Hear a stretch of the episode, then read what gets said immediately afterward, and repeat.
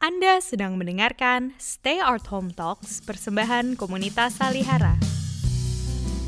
Dalam Stay Art Home Talks volume kedua ini, kami menghadirkan perbincangan dan pembacaan karya sastra Indonesia dengan merujuk 11 plus 1 kata kunci pada peta sastra Indonesia yang disusun oleh komunitas Salihara.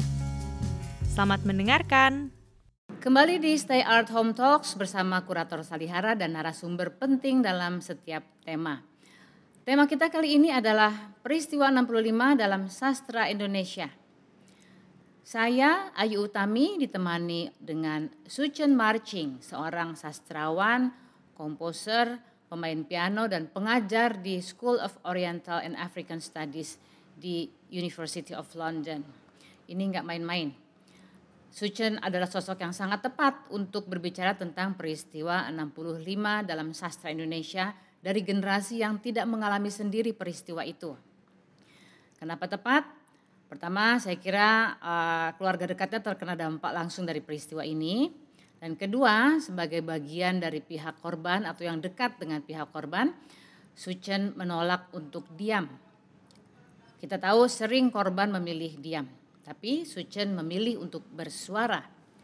Novel mutakhirnya dari dalam kubur berkisah tentang keluarga Tionghoa yang lingkaran dekatnya terkena pembasmian terhadap PKI di tahun 1966, yaitu dampak dari peristiwa 65. Novel ini juga membuka cerita mengenai penganiayaan dan pemerkosaan terhadap perempuan yang terjadi di masa itu yang kasusnya tidak pernah diselesaikan dan barangkali karena itu bisa terjadi lagi atau pernah terjadi lagi.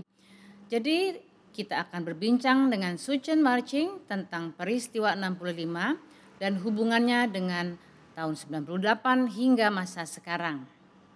Apa kabar Suchen? Halo, apa kabar Ayu? Sedang buat proyek penulisan baru apa nih? Ini saya sedang bikin penulisan tentang eksil politik ya dari 65 eksil politik 65 di Jerman. Dan juga ini saya lagi ada beberapa sih lagi nulis kumpulan puisi juga. Nggak tahu dari mana tiba-tiba keluar ide nulis puisi gara-gara lockdown ini. Padahal sebelumnya juga jarang banget gitu loh nulis puisi. Tahu-tahu ini nulis kumpulan puisi dan uh, Teroka sih tertarik ya tapi ini lagi lagi ngobrol dengan Teroka Publishing. Terus yang satunya juga um, bakal bikin novel baru sih tentang masih tentang 65. Masih berhubungan dengan iya. Masih dengan tokoh yang sama. Enggak, tokohnya beda. Belum belum mau dihubungkan. Tapi saya saya sedang berjanji pada diri saya sendiri untuk terus dan terus membahas tentang 65 sebelum pemerintah uh, berterus terang ya. Uh, Jadi ini luar biasa sekali dengan kesibukannya dan konsentrasi serta komitmennya kepada peristiwa 65. Nah tadi kita sudah mendengarkan dua pembacaannya, tapi saya mau tanya uh, untuk pendengar yang mungkin baru mulai mengetahui kasus ini dari pendapat Sucen nih. Apa sih sebenarnya pentingnya kita membicarakan peristiwa 65 di masa sekarang? Apalagi Sucen adalah orang yang tetap berkomitmen untuk membicarakan masalah itu. Penting sekali ya, sangat-sangat penting. Dan um, saya sebenarnya heran kalau ada orang yang bilang, kok 65 lagi, kok 65 lagi, justru bagi saya kurang. Kurang, bukannya kok 65 lagi, justru kenapa tidak 65 lagi pertanyaannya bagi saya. Ya, kenapa tidak lagi? Kenapa kenapa masih kurang? Karena kita lihat saja um, tentang Holocaust, ya. Sebanyak apa coba literatur yang sudah terbit, dibuat film, dibuat um, pameran atau museum atau apa pun ya yang yang berhubungan dengan seni dengan ekspresi-ekspresi um, seni itu banyaknya bukan main. Sedangkan 65 ini masih jarang kalau kalau dibandingkan dengan Holocaust amat sangat jarang.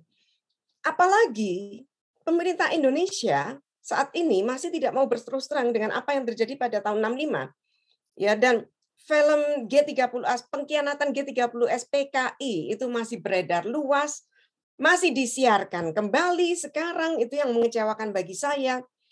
Dan um, textbook di sekolah-sekolah itu juga masih berisi propaganda yang bagi saya itu bohong banget gitu ya.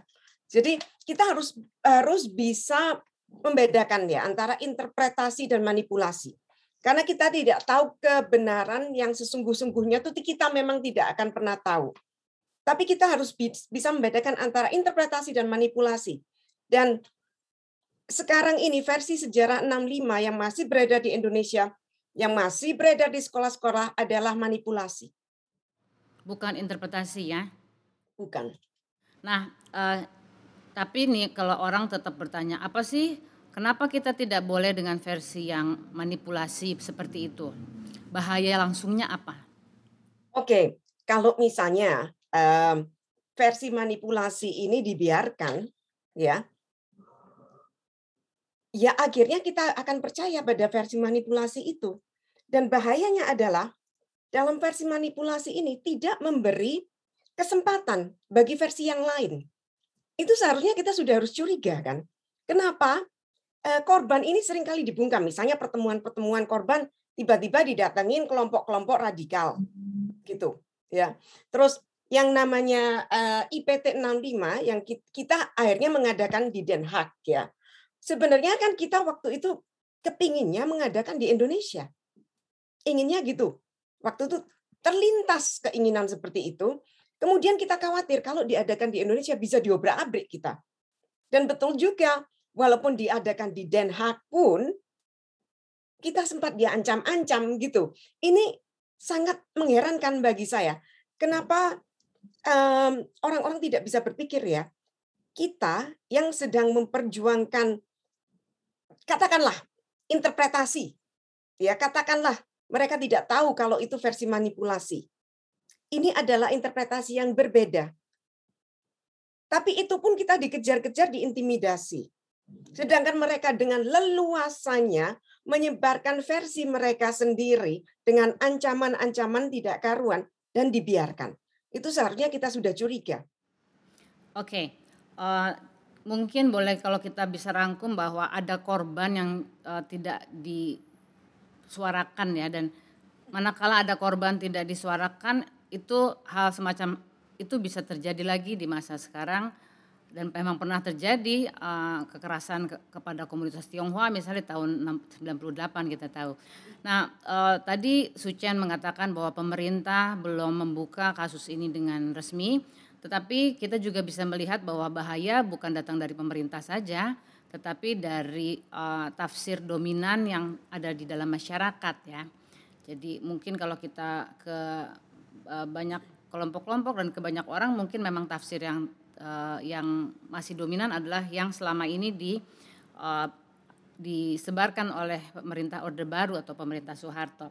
Nah, pertanyaannya adalah apa bagaimana sastra bisa berperan? Uh, saya kira mungkin sastra tidak berperan langsung melawan pemerintah, tetapi mungkin dia perannya adalah membantu untuk mengubah uh, pola pikir yang ada di dalam masyarakat. Uh, bisa ditafsirkan begitu enggak? Oh ya, peran sastra besar sekali ya dalam hal ini ya. Dan itu justru um, bisa dilihat dari berbagai karya sastra di Indonesia. Sejak zaman Orde Baru itu kita lihat bagaimana karya-karya yang tidak bisa terbit lewat sesuatu yang dianggap nyata itu akhirnya jalan keluarnya tuh bisa lewat sastra dan saya akhirnya menemukan jalan seperti itu gitu karena uh, waktu itu kan beberapa beberapa korban atau penyintas ya saya lebih suka bilang penyintas beberapa penyintas yang saya wawancara itu tidak mau kisah mereka itu diterbitkan. Hmm. Tapi sebelum kita ngobrol tentang karyanya Sucen nih, kita mungkin balik dulu ke masa kecil Sucen tahun 70-an Uh, dan bagaimana Sucen mulai berkenalan dengan karya-karya sastra yang menulis tentang peristiwa 65. Misalnya uh, tadi dari Umar Kayam, Seribu Sumarah, dan mungkin dari Ahmad Tohari. Ya, saya dulu tuh sebenarnya nggak tertarik sama sastra loh, aku kecil. Karena saya ini kan dibesarkan di keluarga Tionghoa yang agak konservatif gitu ya. Jadi yang menganggap seni itu gombal lah gitu. Pokoknya kecuali musik. Ya itu pun kebetulan. Ya, itu pun kebetulan juga. Oke, kembali ke apa sastra sebagai gombal aja nih. lah, nanti nyeleweng ke musik. Um, jadi uh, saya tuh jarang baca karya sastra waktu muda. Soalnya ya ya orang tua saya tuh mendidiknya ya, "Sudahlah kamu nggak usah macem-macem, cari duit saja, nggak usah ngurusi politik, ya pokoknya cari aman." Itu tuh keluarga yang seperti itu. Karena papa saya sendiri itu kan korban. Ya, papa saya itu pernah di penjara dan inilah ironisnya. Dia tuh eh, tahanan politik kan. Nah, sesudah keluar dari tahanan itu, dia justru berubah. Jadi seperti sudah lupakan politik, politik itu jahat. Kamu nggak usah ikut-ikut. Yang penting aman. Ya sudah, hidup seperti itu saja. Tapi eh, namanya anak itu kan kadang-kadang beloknya bisa nggak terduga ya. Nyarinya itu loh bisa ke mana tuh kan nggak tahu jalannya kita ke mana nggak tahu. Nah itu justru saya kan mulai cari-cari itu dari SMA sebenarnya. Itu juga kebetulan karena saya masuk di SMA yang cukup prestisius lah. Waktu itu kan karena orang tua saya ingin pendidikan kita bagus gitu ya. Dimasukkan di SMA Sin Louis yang dianggap prestisius. Padahal orang tua saya itu nggak kaya-kaya amat gitu. Jadi waktu SMA itu saya ya merasa agak terpencil karena yang lainnya naik mobil, naik apa gitu, saya naik bemo gitu kan. Terus kalau pesta gitu yang lainnya pakai baju bagus-bagus, baju saya jelek sendiri gitu. Jadi, jadi kentara kalau saya ini bukan maksudnya um, kalau kalau tentang penerimaan itu ya saya agak-agak dikucilkan terus terang waktu SMA. Dan waktu teman-teman SMA saya itu les di guru sendiri, waktu itu Sinlui itu gitu Surabaya. Gurunya tuh ngelesi murid-muridnya sendiri dan eh, nilainya jadi bagus gitu. Orang tua saya kan nggak mampu gitu bayar segitu mahal. Jadi saya nilainya jelek juga. Karena saya jengkel sering sering lari dari sekolah. Sebel kan saya sekolah nilainya jelek terus ya udah lari saja sekalian gitu. Dari situ tuh saya cari-cari sendiri dan dari situ akhirnya saya mulai tertarik pada sastra jadi sejak kira-kira kelas 2 atau kelas 3 SMA itu saya mulai tertarik pada sastra. Tapi saya mulai baca sastra Indonesia tuh waktu masuk universitas ya, karena akhirnya saya ngambil sastra Inggris. Um, itu saya mulai baca karyanya Umar Kayam, karyanya Martin Alaida, itu. Tapi karya uh, um, Tohari justru Ahmad Tohari bacanya agak-agak belakangan. Jadi agak-agak belakangan gitu saya bacanya. Dan kalau seingat saya itu karya-karya pada masa Orde Baru itu kebanyakan mereka me menggambarkan PKI itu sebagai orang yang tidak baik. Ya. Jadi itu yang digambarkan dari kebanyakan sastra pada masa Orde Baru dan maupun sekarang itu masih seperti itu. PKI itu masih digambarkan bukan sebagai orang baik gitu bukan sebagai orang yang bisa kita beri simpati, enggak. Kebanyakan masih seperti itu. Dan dalam novel saya, saya lebih bersimpati ya kepada orang-orang yang masuk PKI atau Gerwani, walaupun saya juga enggak menggambarkan mereka itu sebagai 100% baik, tapi saya beri simpati yang lebih besar mereka. Walaupun enggak sempurna, enggak ada orang sempurna sih bagi saya. Ya PKI ya, ya ada brengseknya juga kan. Semua orang ada brengseknya bagi saya. Tapi itulah yang dalam masa Orde Baru dan saya tidak menyalahkan penulisnya. Karena kalau mereka nggak menggambarkan PKI seperti itu ya mungkin nggak bisa terbit atau gimana. Ya mungkin mereka sendiri akan dalam bahaya. Saya nggak tahu. Jadi eh, kira-kira setelah Sucen melihat bahwa misalnya kalau kita sebut ada beberapa cerita eh, cerita pendek maupun panjang ya misalnya dari Kipanji Kusmin juga ada beberapa yang menyentuh uh, bercerita dengan apa dengan ditulis dalam masa yang sangat dekat ya tahun 66 uh, mengenai uh, peristiwa 65 pembantaian yang tidak uh, manusiawi terhadap orang-orang uh, PKI uh, para penulis di era Orde Baru ini cukup berhasil menceritakan kekejamannya sebetulnya tetapi uh, mereka tetap melihat Eh, tokoh-tokoh komunis sebagai tokoh-tokoh yang antagonis kira-kira begitu ya? Uh, di Cepen Bawo itu cukup bagus penggambarannya, tapi uh, suaminya si Bawu yang masuk PKI itu itu tidak digambarkan sebagai dia bukan orang jahat, tidak digambarkan sebagai antagonis, tapi juga bukan orang baik. Gitu. Baunya yang digambarkan sebagai uh, yang sangat simpatik ya. Jadi pembacanya itu akhirnya bersimpatinya kepada bau yang tidak ikut-ikutan politik. Itu. Jadi jadi misalnya korban yang salah tangkap atau korban yang nggak ikut politik tapi ditangkap atau disiksa. Jadi korban-korban banyak sekali kan korban yang nggak ikut-ikutan politik itu ditangkap. Itulah yang diberi simpati. Banyak sekali. Tapi yang korban yang kalau sudah ikut beneran ikut PKI lah, beneran ikut Gerwani lah, itu yang akhirnya simpatinya jadi berkurang. Gitu. Jadi mereka ini kritiknya itu cukup tajam kepada mereka-mereka ini. Itu yang saya lihat. Makanya mm -hmm. akhirnya dalam novel saya saya beri simpati lebih besar. gitu aja untuk membalik wacana saja sih sebenarnya. Ya. Padahal padahal menurut saya ya saya nggak ya man, namanya manusia ya bagi saya ya nggak nggak perlu di, diberi uh, yang satu bagus yang satu jelek gitu ya enggak sih. Nah kalau uh, kita kembali sekarang membicarakan strategi penulisannya Suchen sendiri ya. Tadi sudah disebut bahwa uh, Suchen melihat bahwa treatment atau pendekatan para penulis di sebelumnya adalah ya mengkritik pemerintah juga, memelihara juga wacana bahwa ada uh, korban, tapi pada saat yang sama juga mereproduksi uh, ketidaksukaan pada tokoh-tokoh komunis ya. Uh, nah, jadi kira-kira strateginya Suchen adalah membalik wacana itu dan menampilkan sosok-sosok dari baik-baik uh, gerakan wanita Indonesia maupun Partai Komunis yang lebih positif atau lebih menjadi uh, protagonisnya lah ya.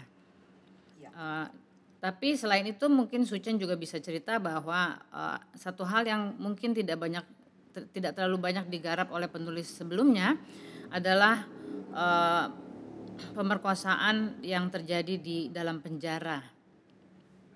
Nah, uh, saya kira itu adalah isu yang penting buat Sucen ya. Iya, sangat-sangat penting ya. Karena itu jarang sekali dibahas pemerkosaan dalam penjara dan itu terjadi di mana-mana sebenarnya. Dan banyak perempuan itu karena trauma, mereka diam. Enggak bicara.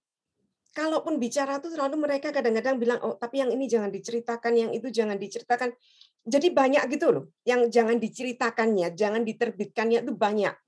Jadinya buku saya yang terbit eh, sebagai buku yang katanya tuh non fiksi ya, yang yang, yang nyata buku akademik itu banyak hilangnya jadian sebenarnya. Banyak yang disensor bukan karena karena saya ingin memanipulasi atau apa, tapi karena penyintasnya sendiri tuh nggak mau untuk dimasukkan. Jadi saya bilang ini nggak bisa dimasukkan. Saya bilang gitu saja dalam buku saya ada beberapa yang nggak bisa saya masukkan. Nah cerita itu apa? Saya nggak bisa nyebutkan dong, ya karena orangnya nggak mau diceritakan, saya nggak bisa nyebutkan sama sekali. Jalan keluarnya gimana? Akhirnya fiksi. Fiksi itu yang memberi saya jalan keluar untuk mengutarakan, menuliskan apa yang tidak bisa saya tuliskan dalam kisah non fiksi. Karena itu ada ada siapa ya yang bilang ya, kalau mau membaca kenyataan bacalah non fiksi. Tapi kalau mau baca kebenaran, bacalah sastra, bacalah fiksi. Ya, saya lupa tuh siapa yang bilang gitu tuh.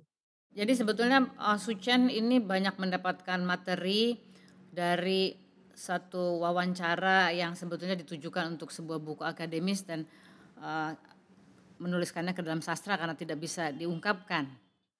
Betul. Jadi waktu itu uh, ada beberapa ya, nggak cuma satu atau dua sebenarnya. Ada beberapa perempuan yang saya akan cerita tapi jangan ditulis gitu. Atau gini cerita terus tapi yang ini jangan ditulis gitu. Ini aja yang ditulis gitu. Kan memang gini ya kalau kita misalnya eh, harus cerita kepada publik. Kita sendiri kan kadang-kadang jaim ya. Ini nanti kalau diceritakan orangnya mikir apa kan gitu kan. Kita mesti mesti hati-hati juga. Apalagi tentang 65. Mereka kan masih mempertimbangkan apa yang dipikirkan oleh keluarga mereka. Apa nanti dampaknya? Juga risikonya, bahayanya secara politik itu itu masih dipertimbangkan oleh banyak orang, terutama perempuan. Terutama yang perempuan. Jadi ini yang masih akhirnya saya ya saya pertimbangkan juga sih waktu menulis buku yang akademik ini. Nah, kalau dalam fiksi itu kan jadinya saya lebih bebas. Mhm. Ya karena namanya juga disamarkan, etnisnya saya samarkan, banyak yang saya samarkan. Jadinya saya lebih bebas lagi nulisnya. Dan itulah yang saya bilang, hanya dalam fiksi lah kita menemukan kebenaran. Baiklah, dalam fiksi kita justru menemukan kebenaran. Eh, pembicaraan ini sangat berharga, tapi waktunya sudah habis. Kita harus segera menutup uh, sesi uh, bincang-bincang uh, ini. Uh, tapi kalau saya boleh merangkum, tadi sebetulnya sudah rangkuman yang bagus. Dalam fiksi kita menemukan kebenaran. Tapi kalau untuk kembali ke kasus 65, uh, Sucen tadi sudah bercerita bahwa korban-korban masih ada sampai sekarang uh, dan masih menyimpan traumanya sehingga kita perlu selalu me menyembuhkan trauma itu melalui suatu penyingkapan-penyingkapan dan manakala penyingkapan tidak mungkin dilakukan melalui karya akademis atau karya jurnalistik maka kebenaran ada di dalam fiksi. Terima kasih banyak Sucen. Terima kasih, terima kasih banyak. Pendek banget. Memang tidak terasa 20 menit itu. itu. Tahu habis. uh, terima kasih saudara-saudara. Uh, acara ini juga bisa dilihat uh, di kanal YouTube Peta Sastra Indonesia. Jadi tengok juga kanal YouTube Peta Sastra Indonesia. Terima kasih.